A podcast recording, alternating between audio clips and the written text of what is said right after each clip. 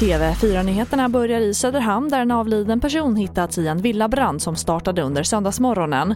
När räddningstjänsten kom till platsen var branden fullt utvecklad och det var när rökdykare tog sig in i huset som den avlidne personen hittades. Polisen har inlett en förundersökning gällande mordbrand.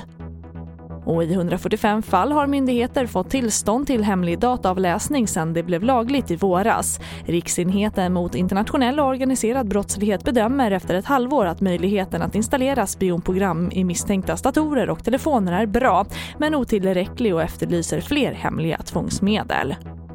Sen till USA. Jag mår bättre och valkampanjen kommer att fortsätta. Den hälsningen levererade president Donald Trump i en video från sjukhuset i natt där han sen i fredags vårdas för covid-19. Och Trumps kampanjledning har också kommit med besked i natt. Vi hör Thomas Kvarnkullen.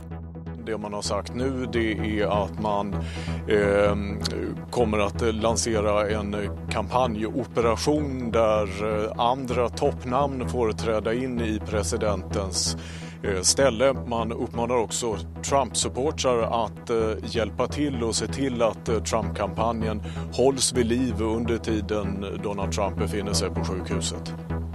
Och det får avsluta TV4-nyheterna. Jag heter Charlotte Hemgren.